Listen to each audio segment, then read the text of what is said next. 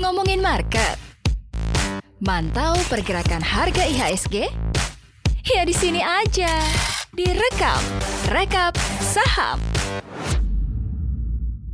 Hai Sobat Cuan, selamat hari Rabu. Kembali lagi direkam rekap saham harian. Sebelum kalian semua bertransaksi saham bersama Maria Katarina setiap hari, Senin sampai Jumat jam 8 pagi ya, ada bekal amunisi untuk transaksi.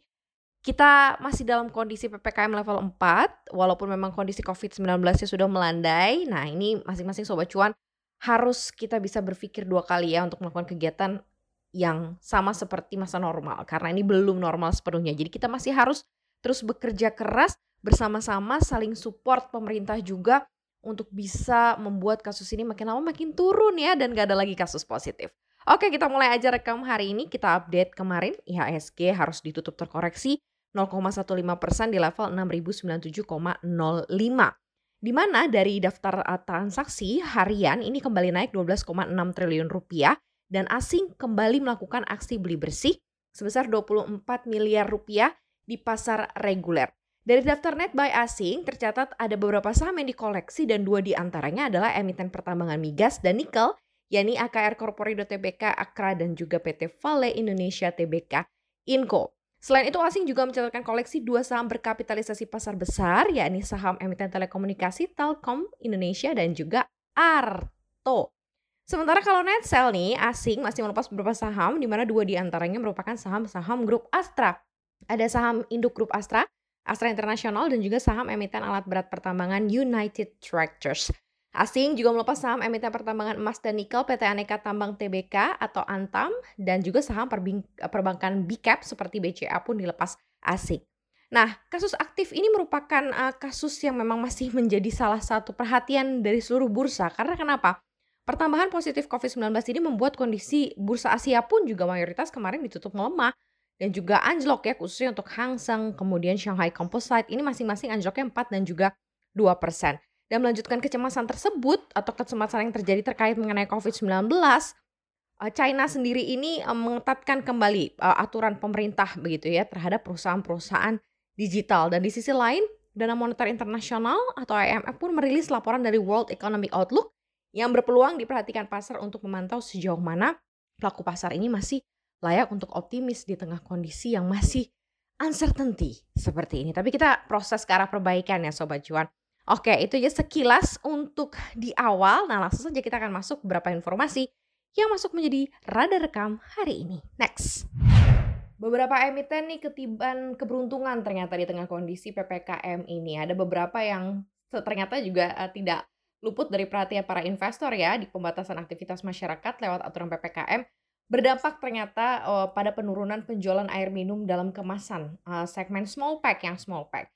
Ini disampaikan oleh Direktur Utama PT Sari Guna Prima Tirta Tbk atau Cleo, Melisa Patricia, di mana penjualan kemasan botol dan gelas turun 15% akibat pandemi, tetapi untuk kemasan yang besar seperti galon justru mengalami pertumbuhan lebih dari 15% seiring dengan meningkatnya aktivitas di rumah.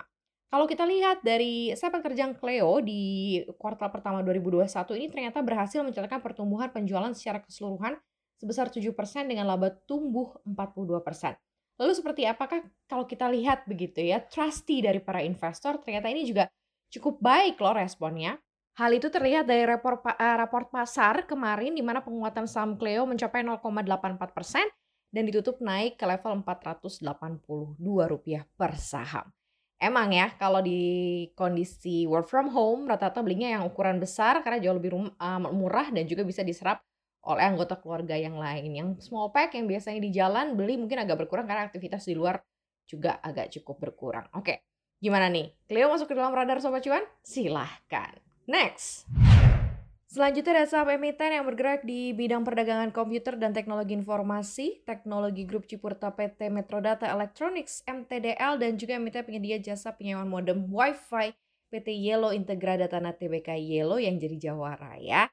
Di kutub yang berbeda ada saham emiten tambang nikel, PAM Mineral Tbk, NICL, dan emiten barang konsumer PT Unilever Indonesia yang terjungkal masuk ke dalam top loser. Kenapa nih MTDL ya? Menurut data, MTDL ini melesat sampai arah menyentuh auto reject atas dengan saham MTDL yang sudah mencetak rally kenaikan selama 4 hari berturut-turut. Alhasil dalam sepekan ini sudah naik 37,34 persen. Nah, lonjakan ini terjadi seiring juga perusahaan yang baru rilis laporan keuangan kuartal 2 yang terbilang positif karena menurut laporan MTDL yang dipublikasikan di website Bursa Efek Indonesia, laba bersih perusahaan tercatat melesat 55,61 persen secara tahunan. Dan hal yang sama juga terjadi nih di saham Yellow yang menyentuh arah 24,78 persen, melanjutkan juga tren penguatan sejak empat hari lalu dan Yellow ini masih terbang 95,83 persen. Kira-kira Sobat Cuan tertarik nggak yang udah masuk gainers-gainers yang sudah mentok-mentok arahnya berhari-hari? Nah ini mungkin bisa dilihat lagi ya. Selama sektor yang masih mumpuni sih mungkin boleh kali ya kena swing satu dua kali. Tapi ingat ya hati-hati. Jangan lupa potential loss dan juga potensial gain harus diperhatikan. Next. Nah, pasar modal Indonesia yang lagi mengalami perubahan tren sektor investasi karena munculnya kondisi COVID ini mendorong beberapa saham-saham atau sektor-sektor yang tadinya jadi primadona berubah ya dan agak ada perubahan nih. Dan hal ini disampaikan juga oleh Anggaraksa Aris Munandar, Head of Research PT NH Korindo Sekuritas yang mengatakan terjadi perubahan yang cukup besar dalam setahun terakhir di dunia saham. Meski demikian, saham-saham kategori blue chip alias unggulan di pasar modal ini masih menjadi tolak ukur investor dan calon investor yang ingin berinvestasi karena saham blue chip ini biasanya merupakan market leader di industrinya. Anggaraksa juga mengatakan ada beberapa sektor yang pergerakan sahamnya terbaik, salah satunya di perbankan, barang konsumsi atau consumer good, telekomunikasi dan juga healthcare ya atau kesehatan. Sementara untuk sektor-sektor seperti consumer, Anggaraksa mengatakan bahwa masih akan tertekan selama pandemi apalagi jika dilihat dalam jangka pendek. Ini diakibatkan oleh inflasi yang masih cukup rendah serta daya beli masyarakat yang kian menurun dan diperburuk juga oleh adanya PPKM ini. Segitu aja sekelumit tipis-tipis informasi direkam rekap saham harian sebelum kalian bertransaksi saham. Tadi ada beberapa saham-saham yang update-nya bisa Anda juga baca lebih detailnya di www.cnbcindonesia.com pastinya. Nah, Sebelum transaksi hari ini seperti biasa pesan Maria adalah jangan lupa sarapan, jangan lupa berdoa, selalu minta perlindungan Tuhan dan prokes harus tetap ketat karena kondisinya belum benar-benar membaik. Jangan lupa dengerin cuap-cuap cuan ya di Spotify, Apple Podcast, dan juga Google Podcast. Follow akun Instagram kita di @cuap underscore cuan. Jangan lupa juga subscribe YouTube channel kita di cuap-cuap cuan. Akan ada banyak banget konten-konten menarik yang akan disuguhkan dari tim cuap-cuap cuan untuk sobat cuan semua, semoga selalu cuan dan makin cuan, makin happy, makin bahagia.